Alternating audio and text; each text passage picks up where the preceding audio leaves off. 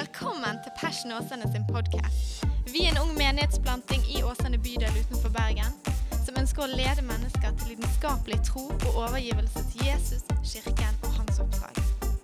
Takk for at du lytter til vår podkast, og vi håper du blir oppmuntret og utfordret i din etterfølgelse av Jesus. Vi er jo inne i en serie nå som Cecilie så bra, som handler om livsnært. Og eh, Tidligere i høst så snakket vi om basic, hva vil det si å bli en disippel av Jesus Kristus. Og så begynte vi for to uker siden den serien som heter Livsnært. Og vi, Helene begynte å snakke nydelig om livsnært, om relasjoner. Og det har kommet veldig mye god tilbakemelding fra den preken der. Og eh, Nei, hei, lille venn. Du ser på pappa. Så gøy. Masse barn. Nå hoppet jeg helt ut, altså. Sånn er det for barn. Hva skjer, pappa? Men Helene snakket nydelig om relasjoner forrige gang. Og om to uker skal Rune snakke om penger. Cash. Cash ain't king. Så det kommer til å bli veldig veldig bra. Jeg gleder meg til det. Og i dag skal vi snakke livsnært om sex. De tre små bokstavene som betyr så sinnssykt mye for veldig mange folk. Og eh, jeg tenkte at hvis det er noen som skal få kjeft for å si noe feil, så bør det være jeg som leder. Så jeg tenkte jeg skulle ta denne her, og de andre skulle slippe å ta den. I dag tidlig var jeg prekt i Baptistkirken i Bergen. og det er en fantastisk kirke, ganske mye folk der, og litt sånn etablert kirke. Så spurte pastoren om jeg kunne få lov til å varme opp med dette budskapet der. Og så sa han på meg og bare sa, det tror jeg ikke er en god idé. så det ble ikke det, da. Nå hadde jeg planlagt et annet budskap òg. Så det var bra. Du, herlig. Men hjertet bak denne serien her er at vi ønsker å snakke livsnært om ting som vi faktisk tenker på, som folk flest tenker på. Og vi ønsker å snakke ærlig om det. Men vi har ikke lyst å bare stoppe der og snakke sant om hvordan mennesker opplever ting. Men vi ønsker òg å snakke sant om Gud. da og kunne få lov til å være med og løfte opp Guds tidløse visdom på de ulike områdene av livet som angår oss. da. For vi tror at hans visdom er de beste for livene våre. da. Vi er så unashamed når det kommer til det. Så i dag skal vi snakke om livsnært, om sex, og det kommer til å bli yatzy. Er dere klare for det? All right. Så bra. Jeg har prøvd å be litt for å gjøre meg klar, men kanskje vi tar be en bønn? Herre, vi, herre, vi takker deg, Gud, for dette temaet her. Dette temaet er eh, Det er svært mange følelser knyttet til deg, Gud. og Jeg tror på ingen måte man klarer å favne alt på de øyeblikkene vi deler, men jeg har lyst til å be frimodig, Hellige Ånd, om at de øyeblikkene vi nå deler, at det skal få lov til å være øyeblikk der vi opplever å kjenne oss igjen, Gud. At vi kan få lov til å snakke om ting som faktisk angår oss. Eh, men mer enn det så bør vi ikke bare konstatere hvordan ting er men at vi kan få lov til å profitere eller løfte opp det du sier er sant på dette området. Og måtte det bli mer enn kunnskap, måtte det bli liv, Herre, til hjertene og til forhold og til framtiden til oss alle, Herre. I ditt gode navn, Herre. I Jesu navn. Amen. Amen. Du, jeg begynte med å si det, Disse tre små bokstavene her og denne X-en, som du ikke får i så veldig mange ord på norsk, det betyr jo å knytte sammen med så vilt mange assosiasjoner i det samfunnet vi er en del av nå. ikke sant? Og Jeg vet ikke hva som var greien, men jeg vokste opp jeg vokste opp i dette bygget her litt, jeg vokste opp i kirkegettoen, og, og, For meg så var disse tre små bokstavene her og alt det det innebar i samfunnet rundt meg, det var egentlig et fremmedord. I de første årene av min levetid, inn på barneskolen, så var det litt sånn no go. Jeg Hadde kanskje hørt litt om at mamma og pappa når jeg spurte det, mamma, hvordan, hvordan har det seg liksom at det er min storesøster og meg? Hvordan kom vi her? liksom? Og Jeg hadde sett Dumbo, der storken kommer og slipper Dumbo. Husker dere det? Han med de store ørene. Men jeg forsto jo det når jeg så skjærene utenfor vinduet, at de klarte jo ikke å bære en liten baby. Så mamma, det må være noe greier her. Så hadde jeg sikkert hørt litt om bien og blomsten. Og eh, så hadde jeg fått litt forklart mer at eh, Daniel, når en, en, mann og en kvinne er veldig glad i hverandre, så kan det bli babyer. Og bare tenkte, jeg, ja, hvordan fungerer det liksom? Skal jeg ikke få kjæreste i første klasse hvis jeg blir glad i en jente? da? Så jeg er jo klar for å bli pappa. Sånn. Så litt, eh, hvordan funker det? Så jeg, altså, det var på en måte, Hva er det tabula resa det heter i pedagogikken? Jeg var en blank tavle. da. Eh, men alt skulle forandre seg i 5. klasse. For i 5. klasse da var ikke det naturfagstimen som skulle opplyse denne sarte sjel her, men det var jeg og gutta på skolen et par hundre meter opp i skauen akkurat bak her. Vi bygde hytte. Og Det var kjempegøy etter skoletid å bare løpe ned ut i den skogen der og så bare bygge hytte med kompisen min. Og En dag så kom han kuleste gutten i gjengen. Han kom med et eller annet under armen. Og jeg bare tenkte, hva er det han kommer med? Og Så kom han nærmere og så har han med seg tegneblader. tegneserieblader, liksom. Og jeg tenkte, er det Fantometid? Kom an, liksom. Og når han kom litt nærmere, så jeg at her, dette var ikke svart-hvitt Fantomet, sånn som jeg var vant til i helgene mamma og pappa spanderte meg. Dette var bilder. Og det var farger. Og herlighet, det var ingen Fantometid akkurat der, altså. Og så bladde han opp og sa jeg tok med noe fra pappa som som han ikke vet jeg har tatt. Men eh, gutta, nå skal vi kose oss. Og denne svarte sjelen som vokste opp med halleluja og Heaven Shalom Malachem, liksom, hva skjedde akkurat der? Idet jeg bladde opp de bladene der, da gikk min uskyldighet rett ut vinduet. Og jeg sa herlighet, hva skjedde akkurat nå? Jeg fant ut senere at det het pornoblader. Jeg løpte hjem til mor og sa mamma, det fins blader med ikke bare fantom, men det fins nakne mennesker. Nå, hun sa OK, Daniel, vi må ta en prat. Veldig glad for det. Men der møtte jeg samfunnet sitt sexsyn for første gang. da. Og Det var liksom ikke en gradvis tilvenning med bien og blomstene. Hadde satt pris på det, men det var liksom et newsflash der og da. Og når det kommer til sex, så er jo historien til seksualiteten den er jo like lang som menneskets historie. ikke sant? Det sier jo seg sjøl. Du og meg sitter her i dag pga. at noen foreldre og noen generasjoner før alltid har hatt sengesamba. som gjør at vi er. Så det er seksualitet og menneskets historie går hånd i hånd. Jeg skal ikke prøve å ta en liksom, sexens historie. Det tror jeg Truls må ta istedenfor, for han er utrolig god på historie. Men de siste 50 årene, hvis du spoler 50 år tilbake det er jo så herlig å ha så mange barnelyder. sant? Det bare bevitner at det, det, er liv på det området vi snakker om. Men spol, spoler du 50 år tilbake, så kommer du til 1968. og Det er det årstallet som ble kalt for liksom, hippiegenerasjon. Woodstock-festival i San Francisco osv. Og, og det som skjer da, at det skjer noe med samfunnsnormene og verdiene når det kommer til seksualitet i samfunnet vårt. og Særlig i den vestlige verden. Er vi enige om det? Og Der man går fra en forståelse av seksualitet, at det var en livslang forpliktelse mellom en mann og en kvinne, til at seksualiteten blir mer flytende, og vi har kommet dit vi er i dag, på en måte at det råder et anarki eller en fullstendig frihet innenfor seksualitetens område. ikke sant? Og Narvesen hadde det slagordet som liksom alle predikanter liksom sier at dette tror ikke vi veldig på, men har du lyst, har du lov. Det er liksom det store mantraet. Har du lyst, så har du lov. Og så lenge det føles bra, så er det rett så lenge du ikke skader noen andre. Og det er greit innenfor dine rammer. Da. Og det blir oppfordret til å prøve ut sin egen seksualitet, gjerne med ulike partner, gjerne ulike kjønn. Og Massemedia bygger opp under dette med mentaliteter som programmer som Trekant for et par år siden. Jeg husker når NRK2 sendte det, så var liksom hele Kristen-Norge bare så rødt. liksom. Vi mobiliserte i alle kristenavisene, som ingen av de ikke-kristne leste. så det hjalp jo veldig. Liksom Trekant, og så har du X on the Beach, og så har du Big Brother og så har du Paradise Hotel. Og alt bygger opp under denne mentaliteten her at i møte med sex i vårt samfunn så finnes det én regel, egentlig. Og det er egentlig at det ikke skal være noen regler. Hvis vi sier det litt svart-hvitt. Og så Hva samfunnet mener om sex, trenger man på en måte ikke være en ekspert på å forstå.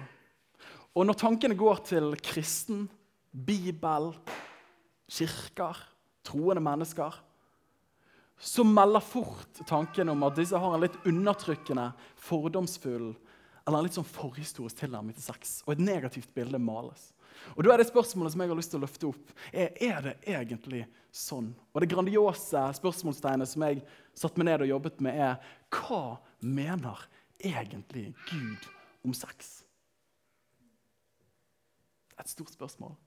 La oss se hva vi kan finne ut der. Hva mener egentlig Gud om sex? Og Jeg vil at du skal få lov til å være med meg til den første siden i bibelboken og det første kapittelet. Og Jeg skal lese et par vers her. Så leser vi i det første kapittelet det 27. verset, så står det at så skapte Gud mennesket i sitt bilde. I Guds bilde skapte han det. Til mann og kvinne skapte han det. Så velsignet Gud det, og Gud sa til dem, vær fruktbare. Oi, oi, oi. Bli mange. Oi, oi, oi, det betyr jo en ting. Fyll opp jorden og legg den under dere. Videre så står det i det andre kapittelet så står det av ribbeinet som Herren Gud hadde tatt fra Adam, så dannet han en kvinne. Og han førte henne til Adam. Gud var den første matchmakeren.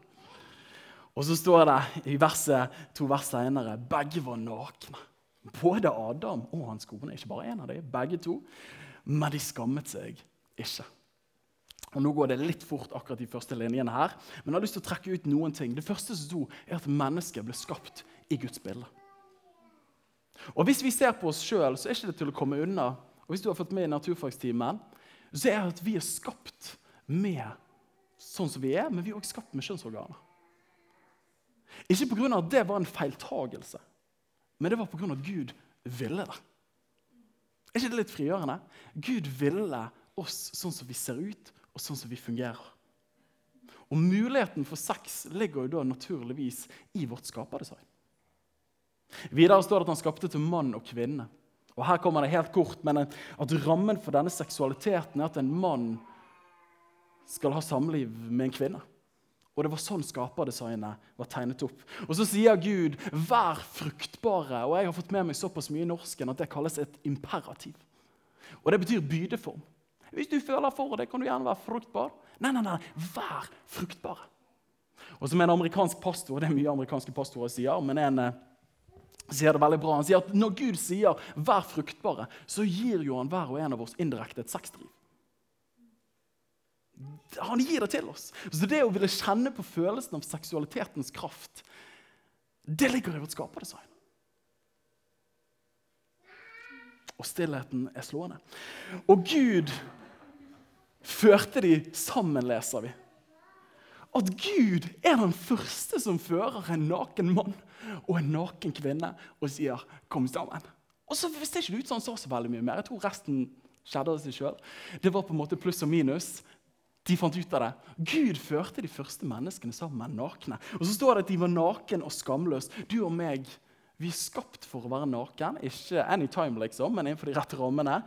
Og vi skal få lov til å være naken og nær uten skam. Og Dette var bare de første linjene jeg leste av Bibelen. og tenkte, hva skal Jeg si om sex? Liksom? Jeg får begynne i første side. Og Så sto jeg opp der, og dette bare møter deg på første side. Og Det som er litt fascinerende, da, er at alt dette her gjør Gud før syndefall. At han skaper oss sånn som dette her, og så velsigner han det, leste vi. Og på slutten av alt, når han har skapt hele greien, så sier han det var overmåte godt. Jeg har lyst til å la den få lov til å ligge der som en grunnmur. At når Gud har skapt deg og meg, så skaper han oss med en seksualdrift. Og så sier han til slutt yatzy bingo. Dette her var jo bare helt perfekt. Det var bedre enn godt. Det var fantastisk. Og det, er det første jeg har lyst til å legge som premiss, er nemlig det her at Gud ikke bare støtter sex, men Gud har skapt sex. Han velsigner det, sier at det er overmåte godt, og vi skal få lov til å være naken uten skam. Og Både GT og NT løfter seksualiteten høyt. Faktisk dit hen at Av, av Bibels 66 bøker så er det en bok, Salmos høysam, som er viet nesten utelukkende til å feire seksualiteten mellom en kvinne og en mann. Og De som vil ha det dit hen at Bibelen skygger unna sex, så har jeg lyst til å si hey, read your Bible again. Det første bladet av boken handler om disse greiene her. Så I motsetning til den vestlige tanken som sier at Gud har et nei til sex, så tror jeg at Gud roper et høyere ja enn noen andre. Men så er det et menn her, da. Og det mennet tror jeg heter syndefallet. At det Gud tiltenkte, som var helt nydelig, så kommer synden inn. Og synden har det ved seg at Guds opprinnelige design blir litt forkvaklet. Og så blir det pervertert, og så blir det litt rart. Og at Synden har den evnen at det leder blikket inn mot oss sjøl. Og, det påvirker òg seksualiteten. At synden sårer våre liv. Sånn at det som var tiltenkt så bra, fort blir litt rart. Og Det påvirker seksualiteten, og seksualitet som er ment å være livgivende, ender ofte opp når du ser rundt i samfunnet og skaper lidelse. Det som var ment å skape, ender opp med å skade. Og da sier Gud, pga. syndens følger, så sier han, vet du hva? Jeg vet hvordan mennesker henger sammen. Så jeg trenger noen kjøreregler for å kunne få lov til å bevare det beste seksualiteten som jeg tiltenkte. Og Disse kjørereglene her, folkens, har jeg lyst til å snakke litt om i dag. Og De finner vi i det andre kapittelet i første Mosebok. Og Hør på det her, vet du. Så sier han Derfor skal en mann forlate sin far og sin mor og være knyttet til sin kone, og de skal være ett legeme. Og Det er det første ordet. Jeg har tre ord som jeg har lyst til å løfte opp i dag. Det første ordet er forpliktelse. Dette stikkordet her. Derfor skal en mann forlate sin far og sin mor. Og Det ordet 'forlate' i grunnteksten betyr helt enkelt Det betyr å tape, forsake, legge bak, la gå og løsne. At i møte med det, før man har seksualiteten, før seksualiteten skal få lov til å leves ut, så er den første ordet, stikkordet Gud gir, rammen, han sier forpliktelse. Du skal forlate det som har vært. Du skal forlate tidligere forhold, og da ikke bare kjærester, men forholdet til mor og far. Og forholdet til tidligere forpliktelser. Og andre relasjoner som var på enerplassen i livet ditt, de skal du ligge bak deg. Og så skal du knytte deg til din hustru. Mannen skal knytte seg til en hustru. Og hør på det her, venner. I grunnteksten så betyr det å knytte seg det betyr å holde seg nær. Godt tips at mannen holder seg nær til sin kone. At når man er gift, klamre seg til. Av og til føles det sånn at du klamrer deg til konen din. Holde fast, følge nøye, klyve seg til, forbli med, sammenføyd med. da. Og Rammen for Guds seksualitet med andre ord, er en av eksklusivitet. At han sier ikke du skal knytte deg litt her og litt der. Eller du kan dra med litt tidligere forpliktelser og forhold du har med deg bakfra, inn i det som ligger foran når du har med seksualiteten å gjøre. Han sier nei, nei, nei, det er ikke sånn det funker. Du trenger å forlate de tidligere forpliktelsene og forholdet. Og da billedlig talt for alt som har vært i livet, alle som har hatt en eneplass i livet ditt. Og så trenger du å knytte deg til den du gifter deg med. Her snakker Gud om ekteskapet, samlivet, det livslange samlivet mellom en mann og en kvinne. Og så sier han at der begynner det. Før du slipper løs seksualiteten, så bygger det på forpliktelse. Og bare når jeg sier disse tingene her, og hvis du lytter til det her, og man ikke har en veldig sånn kristen forståelse av det, så rynker jo samfunnet på nesen i møte med disse tingene her. En seksualvaneundersøkelse som Folkehelseinstituttet gjorde for et par år siden, sier at fire av ti nordmenn jeg synes det høres utrolig høyt ut, har hatt det man kaller for kompissex. At man har hatt sex med mennesker som man ikke har noen forpliktelser overfor. Men bare pleasure. Ingen forpliktelser. Jeg kommer ikke på et kontor på P. da. At antall sexpartnere så viser det i undersøkelse fra 2002 at norske kvinner i gjennomsnitt har ni seksualpartnere, mens menn har tolv. At 13,1% av norske menn har en eller annen gang i løpet av livet kjøpt sex. Og utroskap Hør på disse tallene her. Jeg synes Det var utrolig, utrolig smertefullt å lese om det her. 29% av menn og 23% av kvinner sier at de har hatt et sidesprang mens de var gift eller samboende. Dette er ganske heftig, altså. Og dette er veldig motstridende til det som Gud løfter opp på de første sidene og sier at dette er gode kjøreregler for seksualiteten. Forpliktelse.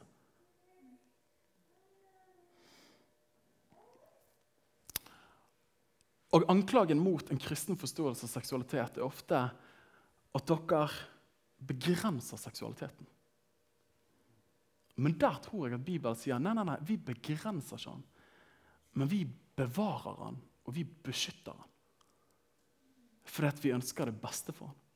Teologen Timothy Keller sier det på denne måten her. Bibelen fraråder ikke sex utenfor ekteskapet siden han tenker så lavt om det.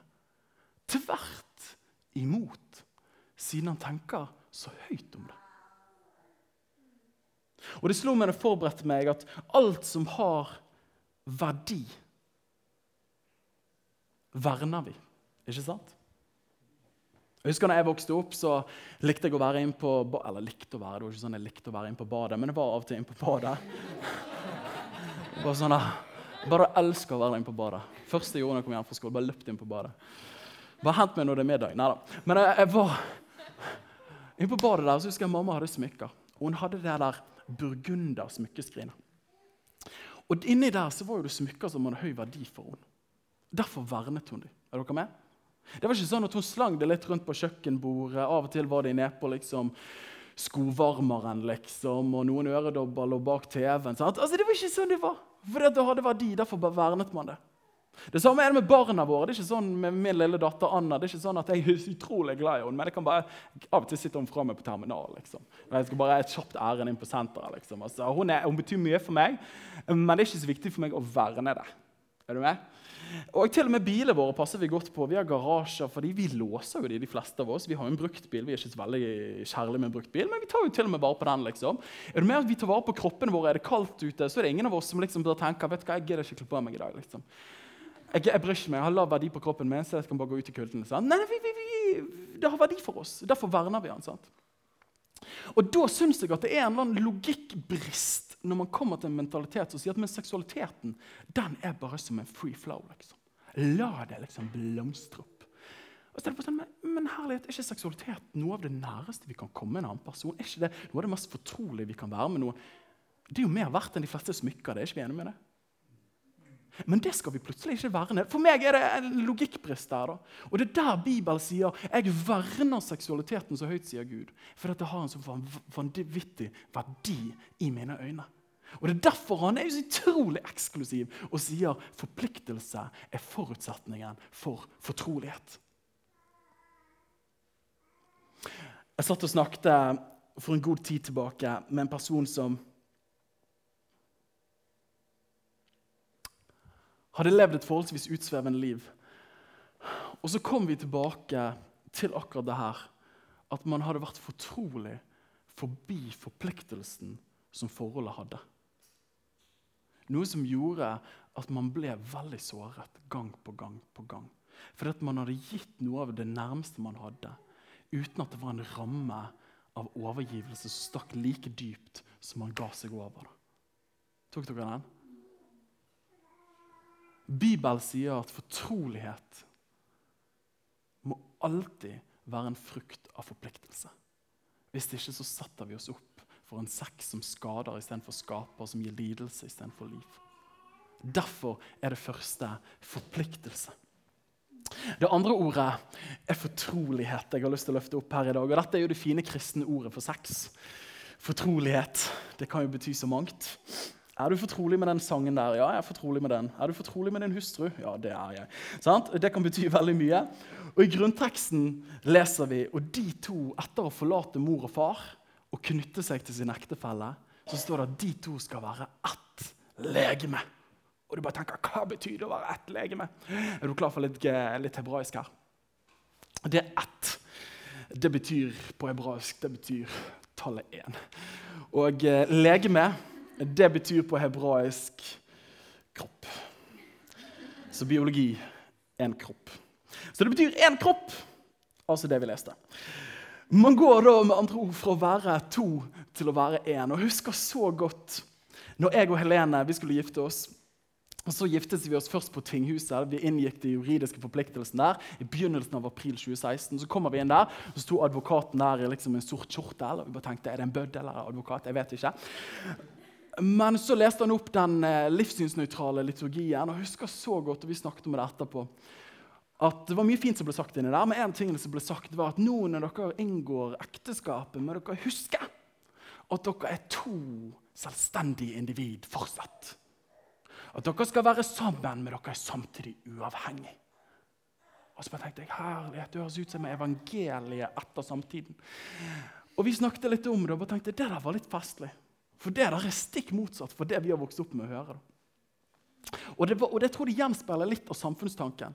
At dere kan være sammen, dere kan ha samarbeid. Men et samliv der dere går helt over i hverandre, det må vi passe oss for. Ja, men er det egentlig sånn? Jeg husker i Ukene før vi giftet oss, så var vi i en bursdag. jeg og Helene.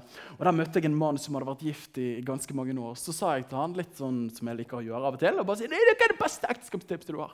Og han bare sa, nei, nå skal jeg fortelle deg, Det beste ekteskapstipset det var faktisk ett jeg og min kone fikk før vi giftet oss. Og det denne gamle mannen sa til meg, han sa at det beste tipset jeg har til deg, er at når dere gifter dere, bli til én personlighet. What?! Hele samfunnet kunne bare liksom høre samtiden bare rope hjernevasking. Men liksom bli én personlighet. Og vet du hva?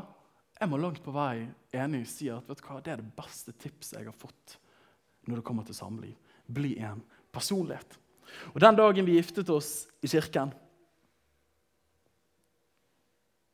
16. april 2016 så har jeg tenkt det flere ganger i ettertid. At det jeg gjorde der, var jo egentlig at jeg tok del i min egen begravelse. Når jeg sto der i kirken.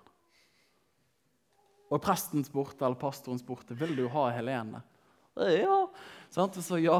Og hun sa, og han sa Helene, vil du ha Daniel? Og hun ba ja, det vil jeg. sant? Hun var veldig overbevist. Um, Og det som skjedde der, var jo at det var vår begravelse. Det gikk fra du og meg opphørte, til et vi som oppsto. Du og meg opphørte, og et vi oppsto der. Og Her kommer et lite ekteskapstips. Er dere klar for det? Jeg må bare blande det inn.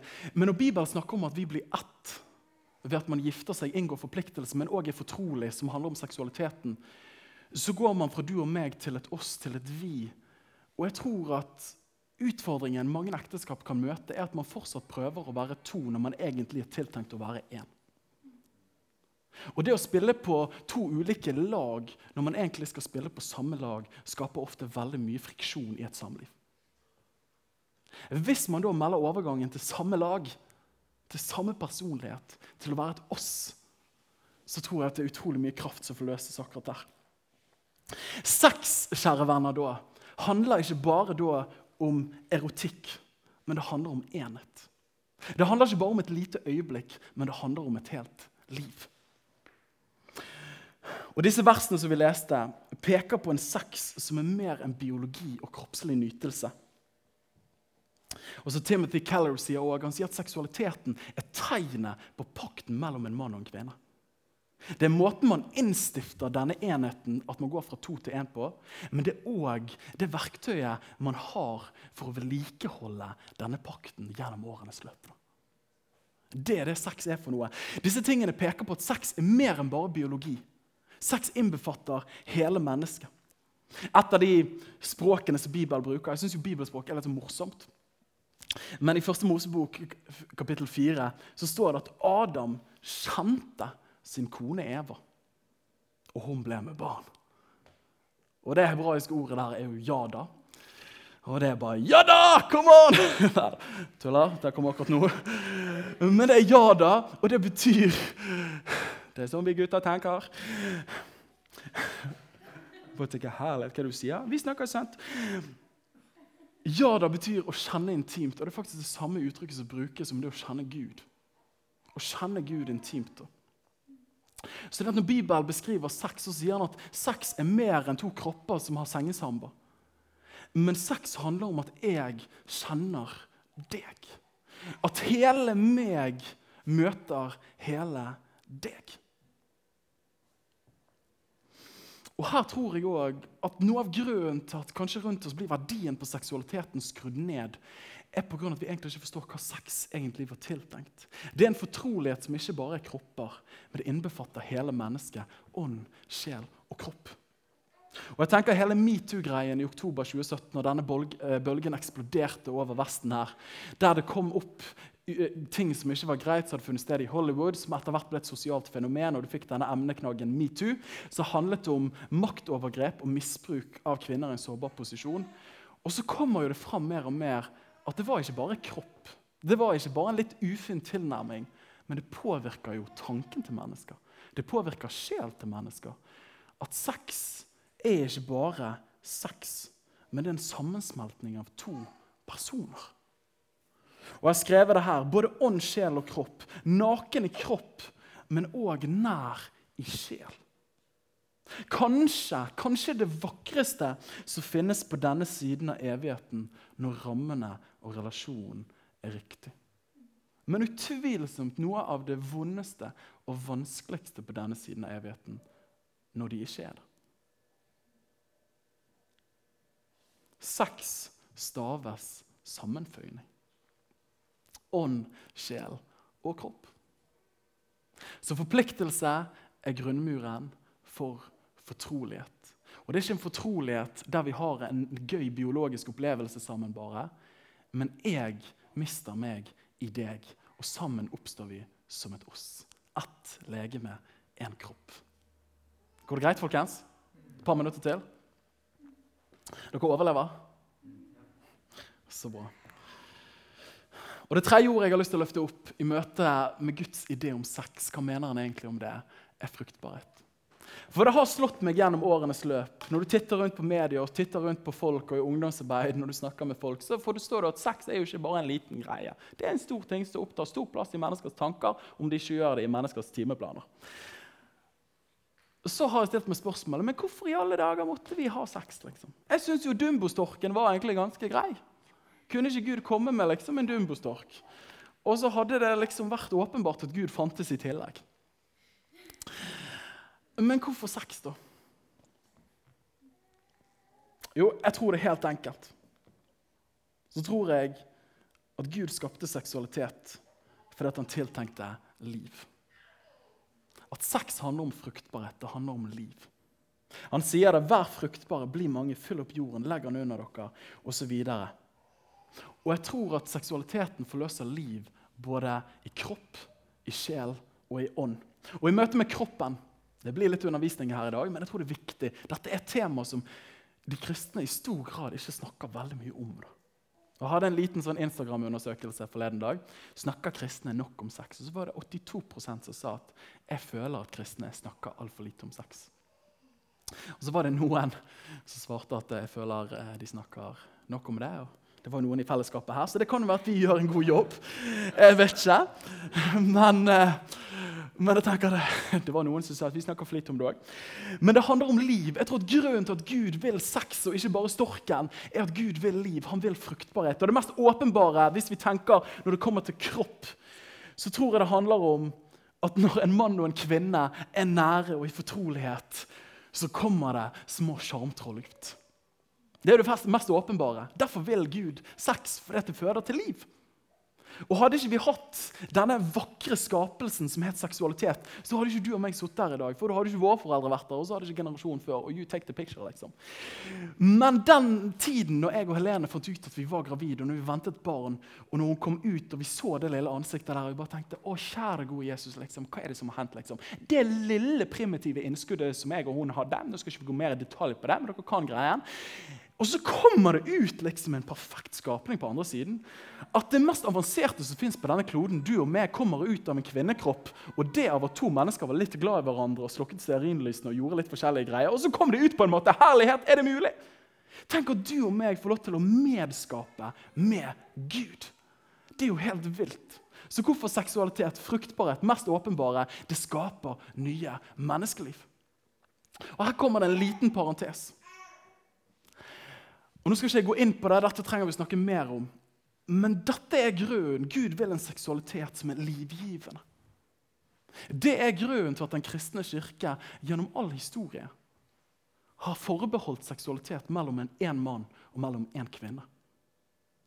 For det er bare der liv kan skapes, og Gud er en gud av liv. Og Nå anerkjenner man at mennesker kan kjempe mange ulike kamper i livene sine, og det tar vi som kirke på største alvor. Og vi tror at Gud har løsninger og svar på de områdene òg. Men vi tror at seksualiteten er eksklusiv for en mann og en kvinne. Og i møte med samfunnsdebattene om abort nå skal jeg ikke preke langt om det, men Grunnen til at vi kristne tenker at abort er forferdelig, det er pga. at hver gang det skjer en sammenslutning mellom en sædcelle og en eggcelle, så blir et nytt menneskeliv til. Ikke bare et embryo, ikke bare et foster, men et menneskeliv. Det er et menneskeliv i miniatyr. Derfor kan vi aldri være stille på dette området. her. Vi tror abort er forferdelig. Og Jeg sier ikke at det ikke finnes mange tragiske situasjoner, men jeg sier at Gud vil liv. Så Gud vil liv i kroppen vår, og helt anatomisk så er jo det òg at vi er skapt med disse kjønnsorganene, vi er skapt med driftene. Og når vi har sex rent kroppslig, så tilfører det erdofiner, det tilfører liv i kroppene våre. Det er godt for kroppene våre. Ja, det er bra. Det er godt å si fra en talerstol. Det er godt for kroppene våre å ha sex. Vi er skapt for det. Det er bra innenfor de rette rammene, vel å merke. Jeg føler man må gradere seg alltid. Men mer enn det òg så skaper sex fruktbarhet og liv. Ikke bare det åpenbare med at nye sjarmtroll blir til, men det skaper òg liv i sjel. Og som jeg beskrev tidligere, så handler sex om langt mer om kropp, men kanskje enda mer om sjel og personligheten til et menneske. Det finner sted, denne foreningen, denne sammenføyningen. Og seksualitet er en av de sterkeste kreftene som finnes. Siden det sammenføyer oss og styrker enheten gjennom årene. Dette tror jeg er en av grunnene til at mennesker kan oppleve at etter et one night stand så blir man aldri helt ferdig med den ene personen. For at jeg ga noe av meg til en annen person. For dette er nok en gang, det er ikke bare kropp, men det kobler oss nær. Naken i kropp, men ikke minst nær i sjel òg. Sex er langt vakrere og langt høyere verdi enn det ofte masse medier produserer det som. Det er ikke bare kropp, men det er sjel òg. Det skaper liv i sjel. Og når det er innenfor de rette rammene, så kan jeg bare si for min egen del Og jeg vet for mange andre man har snakket med, at seksualiteten det starter jo samlivet, enheten, men det òg vedlikeholder den enheten man opplever. At erotikken er en tjener for samlivets enhet. Jeg har en god venn av meg som sa Daniel, sex er frukten av en god relasjon. Det er helt sant. Sex er på mange måter crescendo av en god relasjon. Har du en god relasjon, så leder det til sex ofte i samlivet. Og det er veldig bra. Det styrker relasjonen. Men på en annen måte så kan òg sexen være et frø i relasjon. Nå er jeg litt ute på tynt vann her, men jeg tror det holder. At Har du en god relasjon med din ektefelle, så ønsker man å være nær i kroppen òg. Men hvis man ikke alltid evner å finne hverandre i det relasjonelle og sjelsmessig, så hjelper det ofte å finne hverandre i kroppen.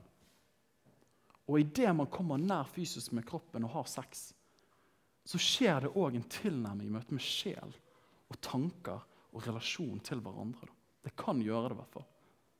Og det tror jeg er noe av det vakre ved det. Det er mer enn kropp, og jeg understreker det igjen og igjen, men det handler om sjel òg. Dere som ikke er gift, dere, dere bare tenker oi, oi, oi. Det er bare å glede dere. Dette er noe av det vakreste som Gud har skapt. Sex er fantastisk. Men òg så leder det til liv i ånd. Og da kan det være at du tenker ok, hva betyr det? Og jeg er ikke en ekspert på dette området. her. Jeg har ikke liksom en mastergrad i Salmos høysang og bildet på Kristus og allegorien der osv. Det kan sikkert noen av dere lese dere opp på. Gleder meg til den preken. Men jeg vet i hvert fall det. At Timothy Keller nok en gang sier at sex er et bilde på den enheten vi en gang skal ha med Gud. Og da ikke på en pervertert måte, men det er tiltenkt som en smak av himmel på jord. Og du og meg er Kristi brud, sier Bibelen. Og en dag skal vi møte vår brudgom i himmelen, som er Kristus. Og Jeg forstår ikke alt hvordan disse tingene henger sammen, men jeg vet om at det handler om den nærmeste fortrolighet med vår brudgom, som er Jesus. Så det er det når vi lever ut skaperverket gjennom et godt ekteskap og nærheten der, så lever vi ut Guds skaperdesign, og det bærer hans favør. Og man kan kjenne Guds nærvær iblant. Og det er en gudstjeneste, det å ha sex med sin ektefelle, kan det være. Ja, all right. Og hvis jeg skal være litt ærlig med dere helt på slutten her, så merker jeg det at når jeg og Helene hvis vi sitter oss ned en tirsdag på kjærestedagene våre, så sitter vi oss ned for å be litt sammen. Og så vet du hva, vi, vi, ber for disse tingene, vi leser et kapittel i Bibelen ofte, og så ber vi sammen for ting vi bryr oss om. Men det som skjer når vi ber, er jo at vi kobler i ånd. Bibelen er veldig tydelig på at mennesket er ånd, sjel og kropp. Så vi kobler i ånd. Men når vi kobler i ånd, og når vi samslutter bryr oss om hva den andre ber om, når vi er nær hverandre der, så kobler vi plutselig i sjel òg. Er dere med? Og så er det ett ledd igjen. Og det leder ofte til at man kobler i kropp òg, som handler om seksualiteten, nærheten. Bønn leder ofte til sex. Det kan gjøre det, i hvert fall. Og Nå sier jeg det litt tøysete, men det handler om enhet. folkens. Og det er hovedpoenget mitt. At den sex Gud snakker om, er ikke bare biologi, men det er ånd, sjel og kropp. Det er vakkert. folkens. Det leder til liv på alle disse tre områdene her. Så det spørsmålet jeg reiste til å begynne med, hva tenker egentlig Gud om sex? Og Da har jeg faktisk lyst til å bare rope ut Gud elsker sex. Han har tipp topp tommel opp når det kommer til seksualiteten. Og Jeg har bare lyst til å rope det ut og kunne ønske alle folka i Åsane og hele Bergen og hele liksom, verden kunne høre det. Gud er for sex. Gud er oppfinneren av seksualitet. Han velsignet det, han ber oss bruke det, og han topper det med å si at det er overmåte, overmåte godt. Og jeg vil si, og hør med de siste setningene her, jeg vil si at Gud har det største ja til sex som finnes i hele verden. Men bak ethvert ja så finnes det òg utallige nei. Nettopp siden man vil bevare verdien, eksklusiviteten og kraften i ja-et. De som tror at kristne har dårlig forhold til sex, løfter ofte opp nei-ene som den kristne tanken løfter opp når det kommer til sex på ulike områder. Men så glemmer de ja-et, som er større enn alle andre ja. Og det slår meg nok en gang at 16. april 2016, når jeg sa ja til Helene, så var ikke det bare min begravelse. Men når jeg sa ja til hun, så sa jeg indirekte nei til over 3 milliarder andre kvinner på denne planeten her. Jeg gjorde jo det. Hvorfor det? Jo, fordi jeg sa ja til det beste og til den ene. Og for at det ja-et mitt ikke skulle være spredt utover alle regioner, men det skulle være et konsentrert ja som var fullt av kraft i én retning. Derfor sa jeg nei til alle andre kvinner. Og Det er nettopp dette her som er tanken når Gud sier ja til sex. Så sier han ja til den beste sexen for deg og meg. Men da sier han òg indirekte nei til alle de andre dårlige utgavene av sex som ofte synd har forkvaklet og skadet.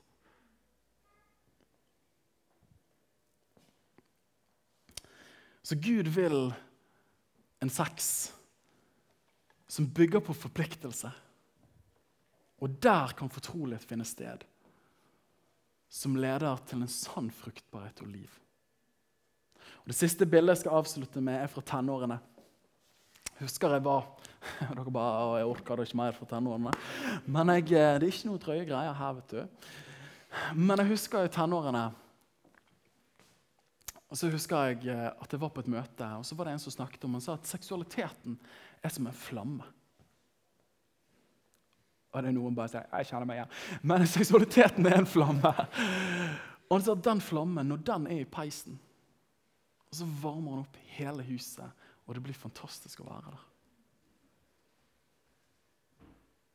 Men når den seksualiteten, denne flammen, havner utenfor peisen, så kan den ende opp med å brenne ned hele huset.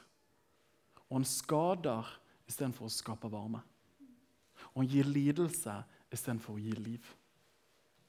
Og dette uttrykket for Guds seksualitet. At Gud sier ja til den livgivende seksualiteten som er mellom en mann og en kvinne i livsforpliktende forhold. Og der skjer den livgivende seksualiteten. Men kommer han litt ut av peisen og litt ut av rammene der, så ender han fort opp med skade istedenfor skade, skape. Og gi lidelse istedenfor å gi liv.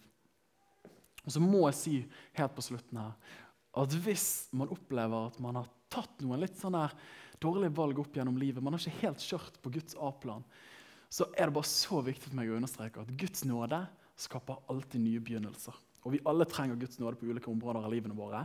Altså, La det være tydelig. altså. Så det at Har man feilet, så finnes det alltid nye begynnelser. Det er det som er så fantastisk med Gud. Men jeg hadde lyst i dag å løfte opp Guds A-plan. For det er ikke et nei til sex, men et ja til den beste sexen som finnes på denne kloden. Takk for at du lyttet til Passion Åsane sin podkast. Hvis budskapet inspirerte deg, del det gjerne videre, slik at enda flere kan bli styrket av Guds ord. Gud har en plan for ditt liv. Følg Jesus lidenskapelig og bety en forskjell for mennesker i din verden.